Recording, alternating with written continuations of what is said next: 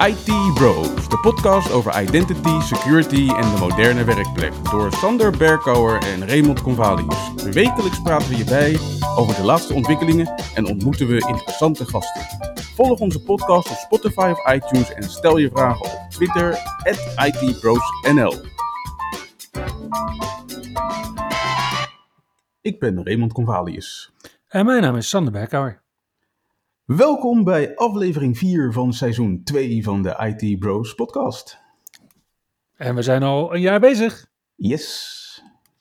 met in deze podcast het meest recente nieuws, de verdieping met Ron Onrust, de aankomende evenementen en uiteraard weer een productiviteitstip.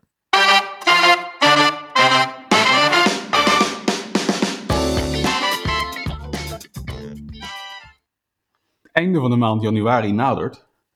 En dat betekent dat het weer tijd is voor de kwartaalcijfers. Ja, dat vinden we als Nederlanders allemaal zo fijn.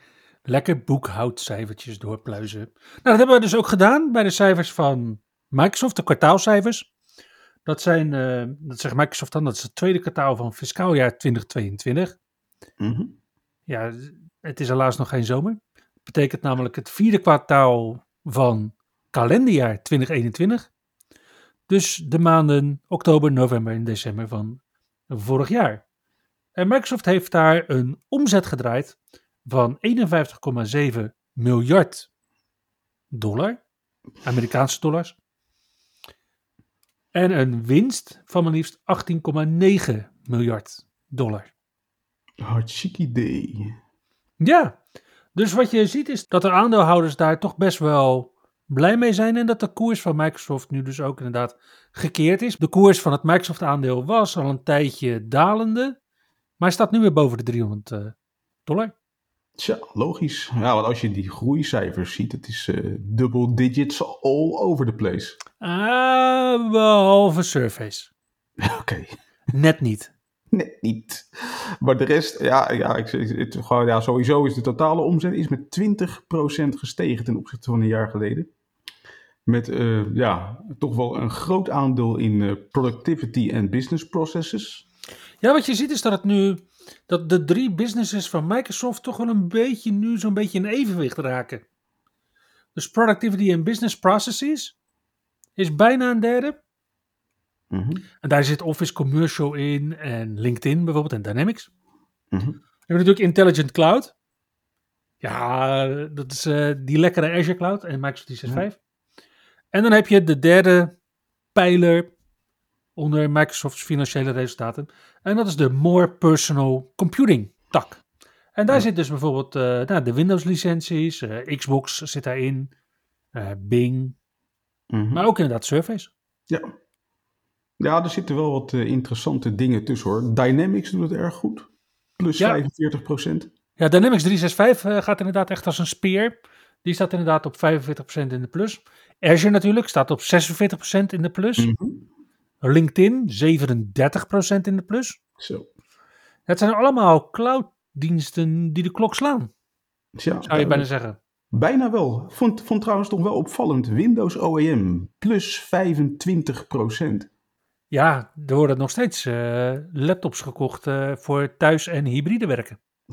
Dat laat zich wel blijken, ja. Ja, ja die markt voor, voor PC's was natuurlijk al jaren dalende.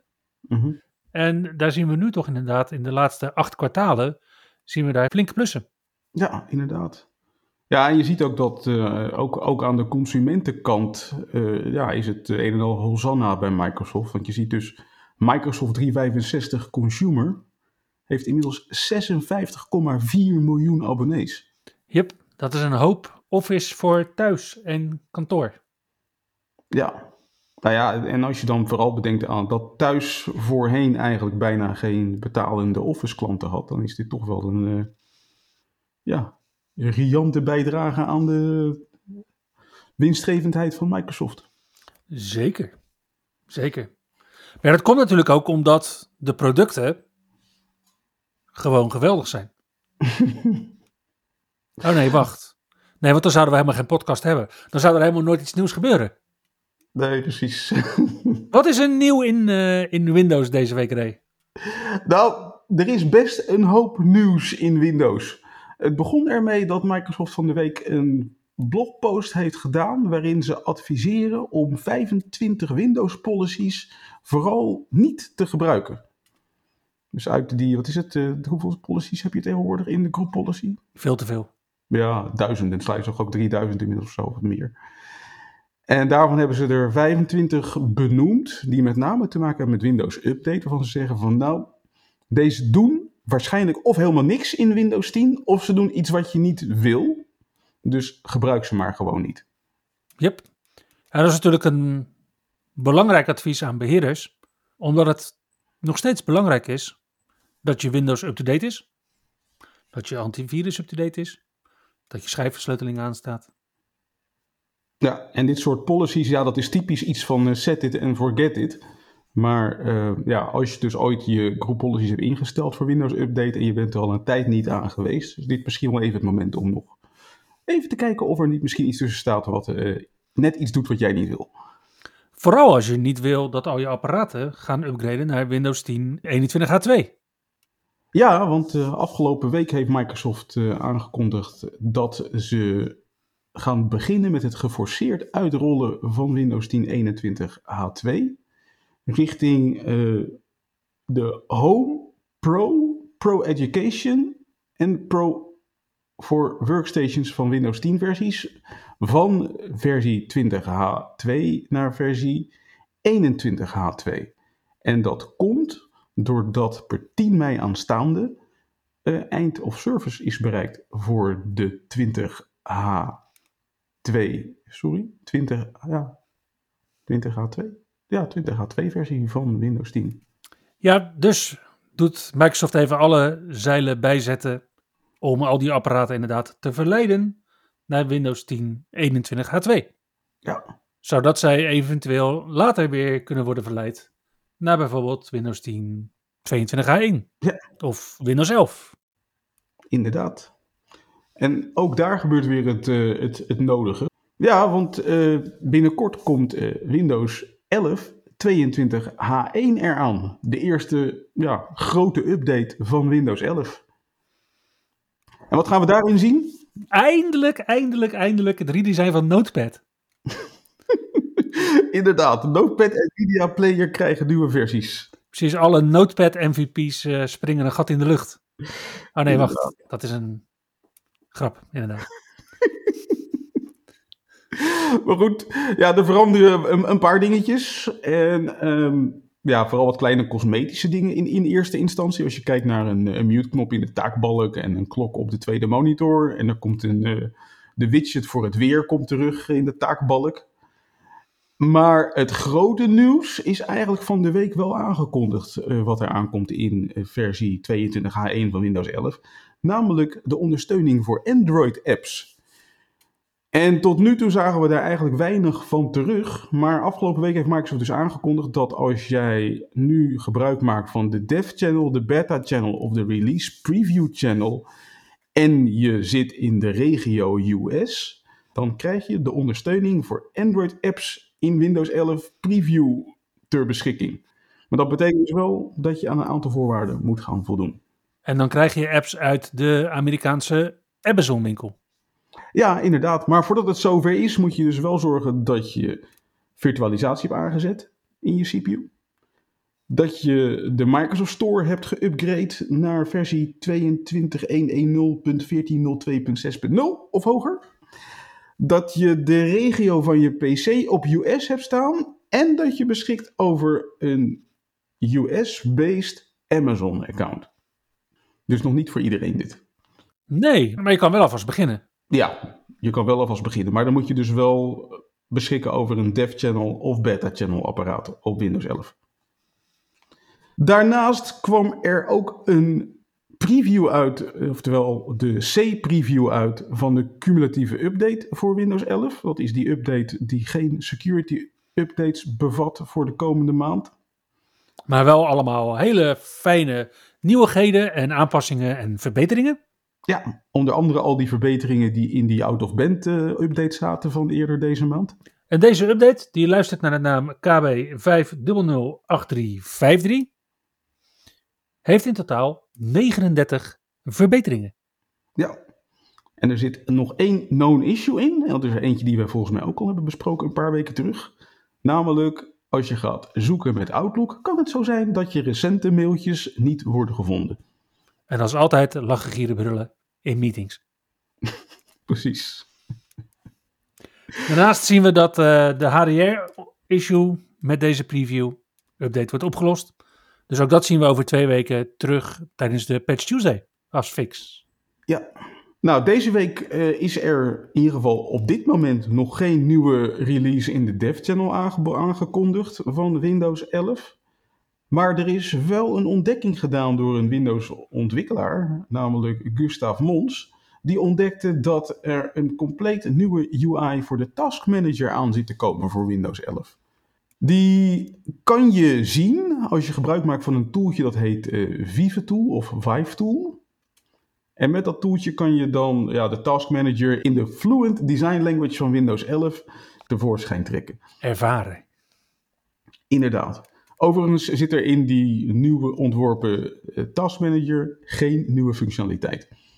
Maar je processoren hebben er nog nooit zo mooi uitgezien. Inderdaad. In Windows.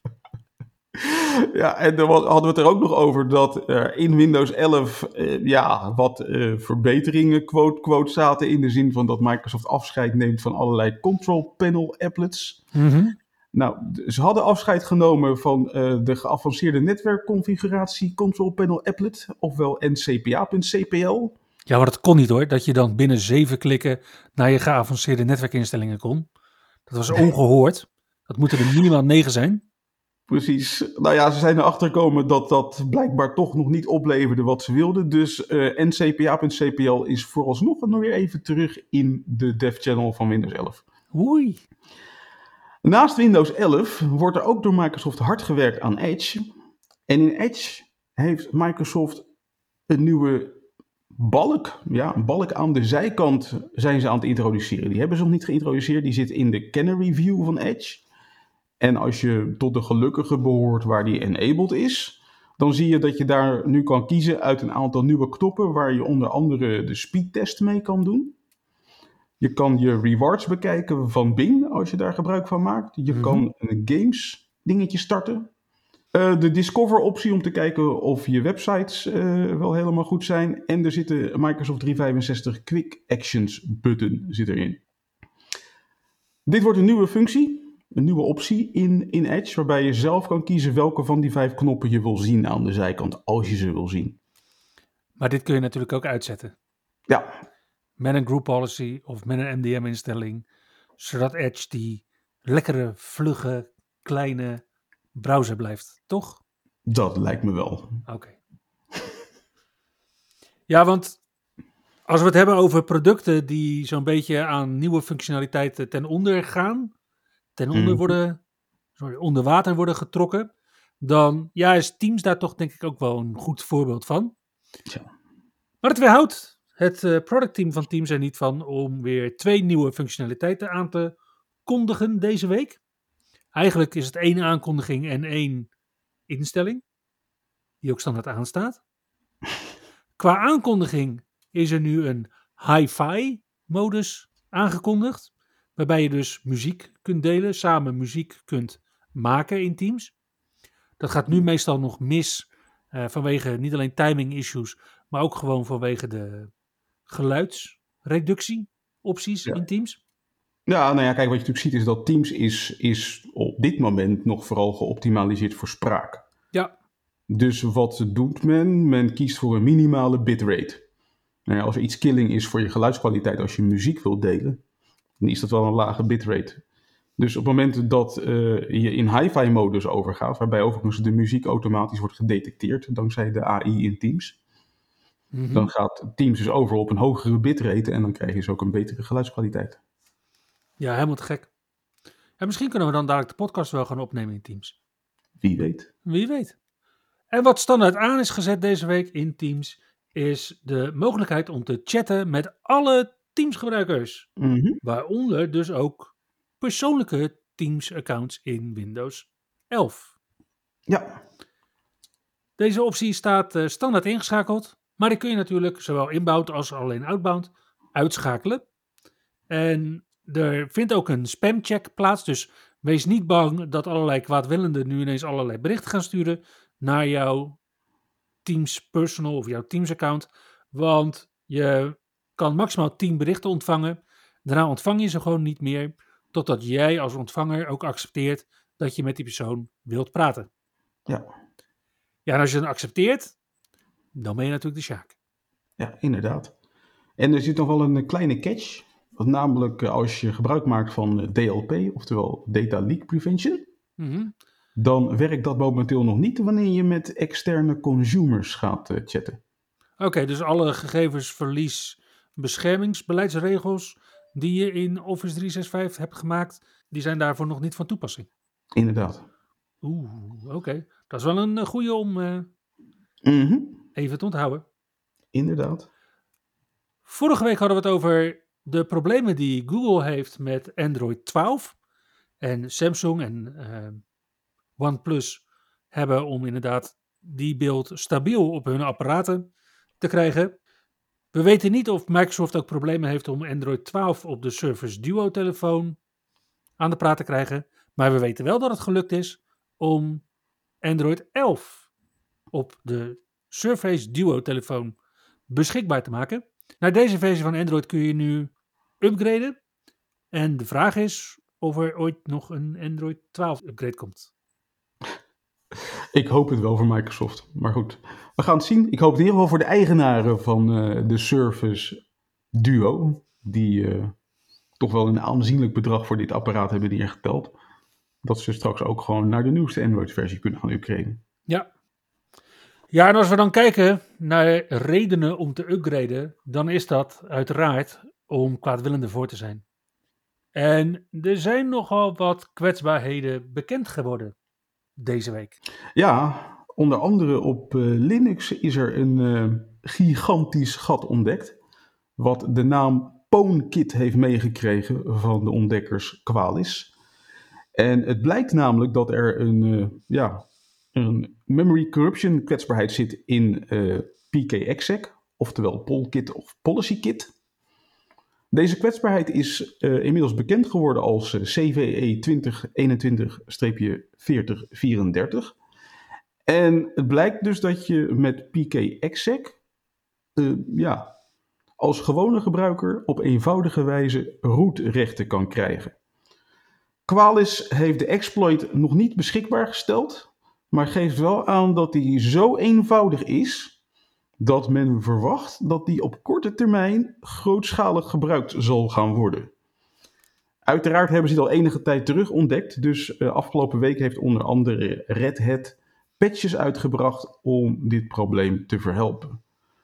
Mocht je nou gebruik maken van een andere Linux-distributie, waarbij trouwens PKExec zo ongeveer in iedere grote Linux-distributie zit, en je hebt nog geen patch van je fabrikant binnen, dan is het misschien handig om voorlopig eventjes het uh, suite-bit van PKExec te verwijderen met chmod. Ja, van alle organisaties die toch uitzonderingen op beleid of onvoldoende budget of onvoldoende scope hadden, bereikt ons elke week weer nieuws. Bij Segway zijn ze namelijk gehackt middels een kwetsbaarheid in MageCard. Daar hadden we het in aflevering 43 van seizoen 1 al over. Toen het Britse NCSC waarschuwingen uitstuurde naar bedrijven dat dit lek toch wel op heel korte termijn zou worden misbruikt. Helaas, Segway is een Amerikaans bedrijf, dus waarschijnlijk hebben ze die waarschuwing niet meegekregen. En op die manier zijn kwaadwillenden in staat gebleken om creditcards te stelen. Tja. De MageCard Group, oftewel, oftewel de MageCard Group 12, die schijnt verantwoordelijk te zijn voor deze hack. En wat de hack doet, is dat hij een, een fav-icon file laat met een JavaScript. En dat JavaScript stilt vervolgens de creditcardinformatie van de kopers. Segway zelf heeft nog geen commentaar gegeven, maar het lek schijnt sinds 6 januari actief te zijn en was dat nog steeds op 25 januari. En ik weet niet of dat nu nog steeds het geval is, maar ja, het is wel tijd voor uh, Segway om hierop in te grijpen. Andere organisaties die min of meer hun noodlot zagen bezegeld waren het ministerie van Buitenlandse Zaken in Canada, de plaatselijke spoorwegen van Wit-Rusland. Ja. Zij werden door activisten inderdaad platgelegd om ervoor te zorgen dat Rusland daar niet verder optrekt. En we zagen dat Delta was gehackt. Nee, niet de luchtvaartmaatschappij. Nee, niet de internetprovider. Maar wel een hele grote toeleverancier van onder andere Apple en Tesla. En mogelijk bij onze luisteraars bekend als leverancier van UPS'en. Uninterruptible Power Supplies. Mhm. Ze hebben een uh, behoorlijke omgeving met zo'n 65.000 werkplekken. En vrijdagochtend 21 januari heeft daar een versleuteling plaatsgevonden met ransomware van Conti. Die kennen we vroeger nog als Ryuk. En zij hebben van die 65.000 werkplekken zo'n 12.000 werkplekken weten te verschalken. En ook 1500 servers. Zo. Zoals ik al zei, het heeft vrijdagochtend 21 januari plaatsgevonden. En de organisatie is momenteel nog aan het herstellen. Ja, en het schijnt dat de Conti ransomware bende 15 miljoen dollar wil vangen om de sleutel vrij te geven. En het is niet bekend of uh, Delta hierop ingaat.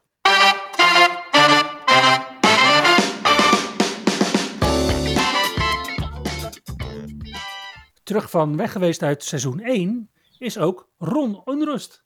Goedemiddag Ron, hoe is het met Goedemiddag. Ja, het gaat heel goed.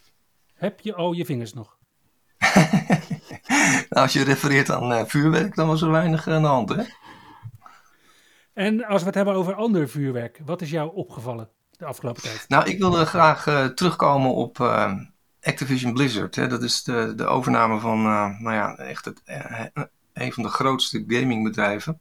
Jullie hebben het daar vorige week over gehad en jullie hebben mhm. de vraag gesteld van wat is de, de impact voor IT eigenlijk?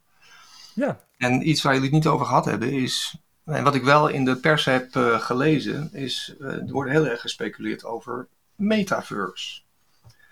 Wat gaat dit betekenen voor, nou ja, de aanwezigheid van Microsoft in het algemeen in metaverse? Ik, ik las iemand die commentaar gaf op deze overname en die zei: Facebook heeft zijn naam veranderd, of nou ja, uh, heeft een holdingmaatschappij gecreëerd met uh, Meta. Hmm. En uh, heeft toegezegd om 10 miljard per jaar in, in de metaverse te gaan stoppen. Hmm. En Microsoft die pompt in één keer 70 miljard in, uh, eigenlijk in één keer in, in wat je zou kunnen zien als een toekomstinvestering in metaverse. Dan ben ik even gaan klikken en uh, gekeken van uh, wat is nou de, de commentaar van de gamingwereld over het, in het algemeen op deze overname in, in de context van VR. Hè, want daar hebben we het eigenlijk over, VR, mm -hmm. virtual reality. En dan wordt het weliswaar gezien als um, een hele belangrijke optie, maar ook iets wat nog wel ver in de toekomst ligt. Maar niettemin, ik denk wel dat, het, uh, dat dat een belangrijk aspect is en um, dat we daar ook in het hele brede IT-veld uiteindelijk mee te maken kunnen krijgen. Ja, de metaverse, dat zien we natuurlijk vooral in de context van hybride werken, waarbij medewerkers inderdaad, ongeacht hun locatie, wel allemaal echt kunnen samenwerken als zijnde in één ruimte. Maar hoor ik je daar nou zeggen dat Microsoft eigenlijk voor 70 miljard de mogelijkheid koopt of inkoopt om ons allemaal een broek aan te geven in hun metaverse? Zoiets, ja. Want ik kan me nog herinneren dat dat hetgeen wat was wat ons nog het meest opviel, Ray. Toen we het inderdaad op Ignite uh, zagen. Ja, ja, inderdaad. Het waren de, de poppetjes zonder benen. Ik vind het een hele interessante benadering als je inderdaad uh, kijkt naar de gaming-industrie als een belangrijke aangever van hoe de metaverse eruit kan gaan zien. Aan de andere kant uh, ja, zie ik ook gewoon dat Microsoft zich gewoon inkoopt in de gaming-industrie. Ze hebben uh, ja, een heleboel games in aanbouw ook gekocht, zeg maar, met die studio's die ze hebben aangeschaft. Ik denk dat dat gewoon, dat proces zal ook gewoon ja, zijn, zeg maar af moeten worden gemaakt. Waarbij men waarschijnlijk tegelijkertijd gaat kijken van welke technologieën zitten er nu achter al deze studio's die wij kunnen gaan gebruiken binnen de ontwikkeling van die metaverse. Ik denk dat je daar inderdaad van een hele goede te pakken hebt. En dan komen we eigenlijk bijna weer op het scenario waar ik vorige week al even op terecht kwam met de Formule 1. Men ontwikkelt van alles binnen die gaming-industrie, waarvan men daarna gaat kijken van hoe kunnen we dit elders ook goed inzetten. Ja, zeker. Zeker. Ja, een ander aspect is natuurlijk dat, um, en ik heb ook in die gamingwereld gelezen dat mensen nogal negatief zijn over deze overname, alleen maar omdat ze bang zijn dat daarmee een stukje creativiteit en onafhankelijkheid uh, verdwijnt uit, uit iets uh, wat wordt gezien als een hele creatieve pool van mensen. Ja, en en de grote, de big tech bedrijven, die slobberen eigenlijk heel veel kleintjes op. En dat is iets wat niet van de laatste tijd is, dat is al heel lang. Maar het wordt eigenlijk wel een beetje eng. Hè? Dus de, deze grote bedrijven, en dan hebben we eigenlijk over de grote vijf. De grote vijf uh, techbedrijven, Amazon, Apple, uh, Google, uh, Alphabet dus eigenlijk, en Microsoft en Apple. Ja, die... Um, wordt die marktmacht niet zo enorm dat op een gegeven moment ze gaan werken als zwarte gaten waar alles in verdwijnt. En ja, dat is natuurlijk een, een hele slechte um, ontwikkeling voor eh, de concurrentie in het algemeen. Ja, maar ik vind het ook eigenlijk wel een slecht vergelijk. Als we kijken naar Microsoft Bob en Clippy, dan kunnen we Microsoft toch niet betichten van non-creativiteit.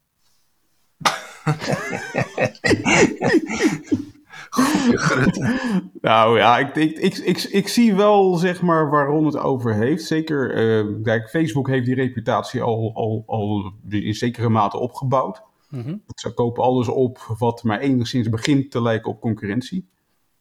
En ja, wat je nu dus krijgt is een concentratie inderdaad binnen die big tech. De big tech wordt alleen maar groter. En er, er zit, steeds minder omheen, zeg maar, wat ja, onafhankelijk van big tech nog zich kan ontwikkelen. Ik las vandaag dat um, de, de, de koersen die in het algemeen van de bedrijven, die, die nemen een duikvlucht sinds uh, mm -hmm. eigenlijk sinds 1 januari zo'n beetje. Ja. En dat um, deze vijf bedrijven in de afgelopen, nou ja, zeg maar 3,5 week sinds 1 januari, 1,3, dan moet ik het goed zeggen, biljoen dollar hebben verloren aan marktwaarde. Ja, dat, dat zijn zulke enorme bedragen. En wat je daar ook aan ziet, is dat um, deze bedrijven steeds meer betrokken raken bij rechtszaken. Eigenlijk hebben ze daar allemaal mee te maken. Um, ik denk dat Microsoft nog een beetje in, het, in de hoek zit van uh, waar het nog een, nou, enigszins luw is, laten we het zo maar mm -hmm. zeggen. Maar met name Google en Facebook, ja, dat, en dan gaat het het gaat altijd om machtsmisbruik. Dat is, dat is wel de rode draad. En dan gaat het over het beschermen van consumenten uh, en het beschermen van de concurrentie. Maar het gaat ook over uh, machtsmisbruik als het gaat om advertenties en zo. En nou heb ik net vorige week um, is er een, um, een rechtszaak gestart tegen Google. En het gaat over plaatsbepaling. En um, eigenlijk is de, de inzet van uh, Google doet altijd en overal, en met name op die Android-telefoons, aan plaatsbepaling. En dat kan je nauwelijks uitzetten of beïnvloeden. En, en als dat al kan, dan gebeurt dat op een, uh, op een gekke manier. Hè? Als je het dus uitzet bijvoorbeeld, dan, is, dan, ja, dan heb je gewoon geen toegang meer tot andere diensten. Dus dan kan je je Uber niet meer bestellen of zo. dus uh, op de een of andere manier weten ze toch eigenlijk wel het zo te draaien dat je het wel aan moet zetten. Ja. En um, ja, ik, daarbij wilde ik een anekdote vertellen die mij is overkomen afgelopen zomer. Toen ik in, in België op vakantie was. Ik was een paar dagen in België. En ik was in Mol, plaatsje Mol in België. En daar heb ik foto's gemaakt, echt tientallen foto's. Ja. En een paar dagen daarna vraagt uh, Google Maps, moet ik het even goed zeggen, Google Maps, die vraagt aan mij: wil je deze foto's toevoegen aan het bedrijf, ik zal de naam even noemen, niet noemen, maar in Ede in Nederland. Dus ik was in Mol in België, ik maak daar foto's en die foto's wil ik toevoegen aan een bedrijf wat, wat duidelijk in, hij, hij zei het ook zo. En toen van, hé, wat? Hoe, hoe is dit mogelijk? Hoe, ik ben in België en hij denkt dat mijn foto's zijn gemaakt in Ede in Nederland. Dus toen ben ik ingedoken. En wat blijkt nou? Iemand die daar ook was, die heeft een, een, uh, een camper, laten we het maar een camper noemen. En daar zit een, een wifi access point in. En die camper die staat normaal gesproken geparkeerd in Ede. Dus Google koppelt dat wifi access point aan Ede. En die denkt dus dat als ik. En ik heb helemaal geen verbinding gemaakt met dat access point. Het was alleen maar in de buurt. Maar die denkt dus, omdat ik in de buurt pas van dat access point, dat ik in Ede was. En dat gaat tot op een extreem niveau. Want mijn tijdlijn, ik weet niet of je dat wel eens bekijkt in, uh, of ja, überhaupt Android, uh, dan moet je een Android-apparaat voor hebben. Maar dan, dan bouwt Google zo'n tijdlijn op in, in Maps. Dan kan je zien waar je gereden hebt. En nou, daar stond heel mooi uh, die route op van, van, van mijn thuisadres naar België, Mol in België. En aan dat puntje, daar stond niet Mol, maar daar stond Ede. dat is echt zo bizar. Dus uh, Google was er niet alleen van overtuigd dat ik in Ede was, maar hij was ook van overtuigd dat Ede in België lag. Ja, dat is echt. Dus en, en toen ben ik gaan kijken naar mijn foto's. En uh, zelfs de foto's die ik heb gemaakt op het moment dat dat access point, dat bewuste access point, nog niet aanwezig was in de buurt, die werden gekoppeld aan Ede in Nederland. Dat betekent dus dat Google aan plaatsbepaling doet, maar ook dat wifi klaarblijkelijk een belangrijker uh, element is in het bepalen van de plaats dan wat dan ook aan GPS of ja, wat andere dingen kan je nog verzinnen. Wow. Maar uh, wifi overroelt alles. Als dat access point daar is bekend, dan ben jij dus daar. Dit is creepy. Hè? Ja, dat is echt, ik vond het ook heel, heel, heel eng. Alleen te bedenken, en ik heb het vermoeden, bijna zeker dat als jij je wifi uitzet op je telefoon, dat dat gewoon onder water gewoon doorgaat. Dat proces van. Uh, en dat betekent dus ook dat Google heeft een, een wereldkaart opgebouwd van access points. Ja. Over, de, oh, over de hele wereld weet gewoon welk access point waar hoort. Tussen aanhalingstekens. ja. Ah. ja, inderdaad, wauw. Ja, ik sla hier uh, stijl van achterover, want je hebt een beetje de reputatie dat je helemaal nooit op vakantie gaat, Ron. is niet waar. nee. nee, maar het is inderdaad wel uh, bizar hoe dit uh, lijkt te werken dan. Dus, dus, dus, je, zou, je zou denken van nou, die GPS zet je uit op je telefoon en je bent safe, maar dat, dat is dus helemaal niet meer het geval. In ieder geval niet als je een Android-telefoon gebruikt. Nee, ja, en het, het, het kwalijke is natuurlijk dat we dit niet weten. Ik ben er toen ingedoken van had ik dit kunnen weten? Mhm. En uh, Google doet heel erg vage bewoordingen, hebben ze het over locatiebepaling. Dus in de voorwaarden dan vind je dat wel terug. Van nou ja, je kunt foto's, daar kan je de locatiebepaling aan koppelen. Het grappige is overigens, als ik naar de foto's kijk, die ik dus met mijn telefoon gemaakt heb, in mijn telefoon, ik kijk bij de details en dan locatiegegevens, dan staat daar geen locatiegegevens bekend. Dus uh, pas als het naar Google Foto's verhuist of naar Google Maps, dan hangt Google daar een locatie aan vast. Hm. Maar dus niet in de EXIF data? Nee, precies. Oké. Echt in, in, een, in een metadata, die zij inderdaad van het bestand dan opslaan en gebruiken. Ja, dus als zij, als zij de, de foto's overhevelen van mijn telefoon naar Google Foto's, dan heb ik het vermoeden, dan gebeurt die slag. Zo van, nou, die, jij hebt die foto's gemaakt op dat en dat tijdstip. En toen hebben wij gezien dat die en die en die uh, wifi access points in de buurt waren. Dus was jij daar. Ja. Wauw. Ja, het, het, was mij ook wel eens opgevallen. Ik heb dan zelf een iPhone. En als ik daarvan wifi uitzet, dan krijg je ook wel een melding van luister eens. Uh, je verliest nu improved location accuracy. Dus het lijkt alsof Apple iets soortgelijks doet. Ja, dat uh, zou me niet verbazen. Ja. Hmm, okay. Iets om in de toekomst nog eens een keer in te duiken. Ja, ik kan me ook van de afgelopen maanden een afbeelding herinneren. Van uit mijn hoofd was dat volgens mij San Francisco. Waarin dat ik die laag zichtbaar was. Met alle wifi access points. Hmm. En dat gaf inderdaad wel wat inzicht in dat soort dingen. En toen zeiden mensen inderdaad ook van dit is wel echt creepy. Ja. Maar waarschijnlijk algemeen geaccepteerd onder de besturingssystemen op mobiele apparaten. Nou ja, kijk, je hebt, je hebt natuurlijk bedoel, GPS, maar GPS werkt natuurlijk binnen gewoon niet.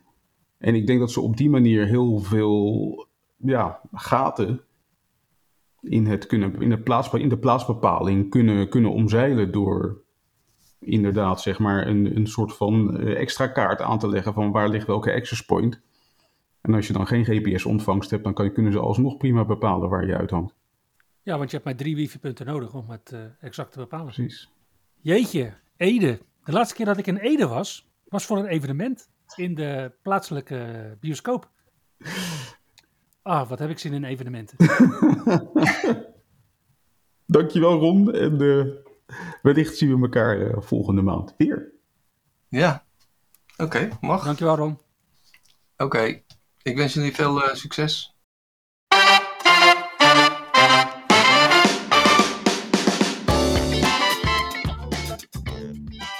Dan kijken we natuurlijk nog snel even naar de aankomende evenementen. En volgende week zijn er twee evenementen die wij interessant vinden voor onze IT Pro luisteraars. En ze vinden allebei plaats op 3 februari. Donderdagavond 3 februari. Van 5 tot 6 kun je meegenieten bij een nieuwe aflevering van de Winter Azure Security Series. Waarbij Microsoft meer vertelt over Sentinel. En hoe je MS TickPy Intermediate kunt gebruiken om je eigen notebooks te bouwen.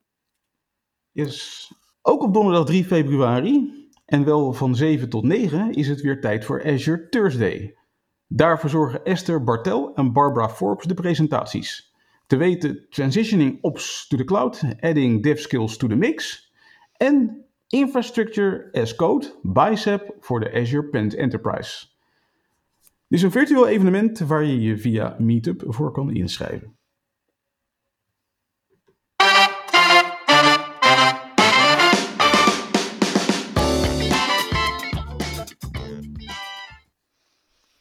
Hey voor mij is een productiviteitstip ook iets waarmee ik mijn niet-productiviteit zou kunnen versnellen. Want dan kan ik weer sneller productief zijn. Tja, en vorige week toen, toen kwam jij met iets waarbij ik alleen maar zei, huh? Ja, maar ja, ik bleef natuurlijk ook best wel cryptisch. En we hebben hem toen ook alleen maar opgeschreven als J en K.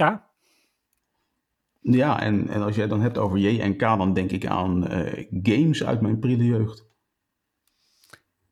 Dat is ook een hele goede manier om niet productief te hoeven zijn.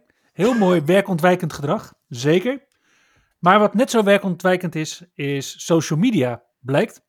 En een van de dingen die ik steeds minder doe, is social media op mijn mobiele telefoon gebruiken. Maar juist in mijn browser op mijn werkplek. Het is namelijk veel meer afgeschermd. Uh, kan ook uh, bijvoorbeeld in uh, incognito-modus, dat soort dingen. Mijn baas vindt het uh, niet altijd helemaal fijn. Maar die kijkt momenteel ook niet meer over mijn schouder mee. Dus dat uh, gaat helemaal goed. En ik gebruik deze truc echt al jaren op LinkedIn en Twitter en Facebook.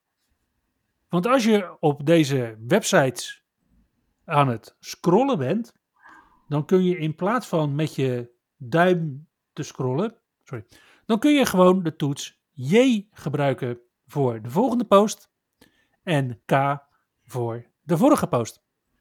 En op die manier kan ik veel sneller door mijn tijdlijn heen gaan. Oké. Okay. En dat betekent dus dat ik weer sneller door kan gaan met werken.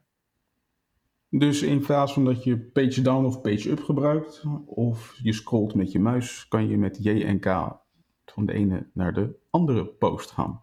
Ja, en je hebt natuurlijk, sommige posts zijn best wel lang, omdat er allerlei embedded uh, meuk in zit. En andere zijn eigenlijk alleen maar drie regels. En je selecteert ook daadwerkelijk de post. Dus zo zie je inderdaad ook met een kader eromheen, kan je veel beter, tenminste kan ik, veel beter focussen. Ja. ja, ik zag het prima werken op Twitter. Facebook ga ik het binnenkort uitproberen, maar jij zegt op LinkedIn is het stuk? Op LinkedIn is het stuk momenteel, ja. Ja, en op Reddit bijvoorbeeld heeft het nooit gewerkt. Maar ik vind het mega functionaliteit. Ik uh, ga echt als een speedboot door Twitter heen.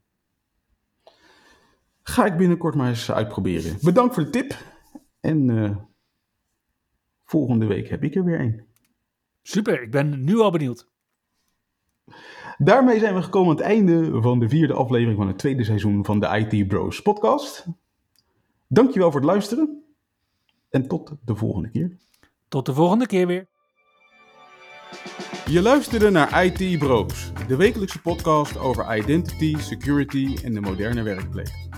Abonneer je op Spotify, iTunes of Google Podcast als je de volgende aflevering niet wilt missen. Heb je hints of tips? Laat dan van je horen op Twitter. @itbrosnl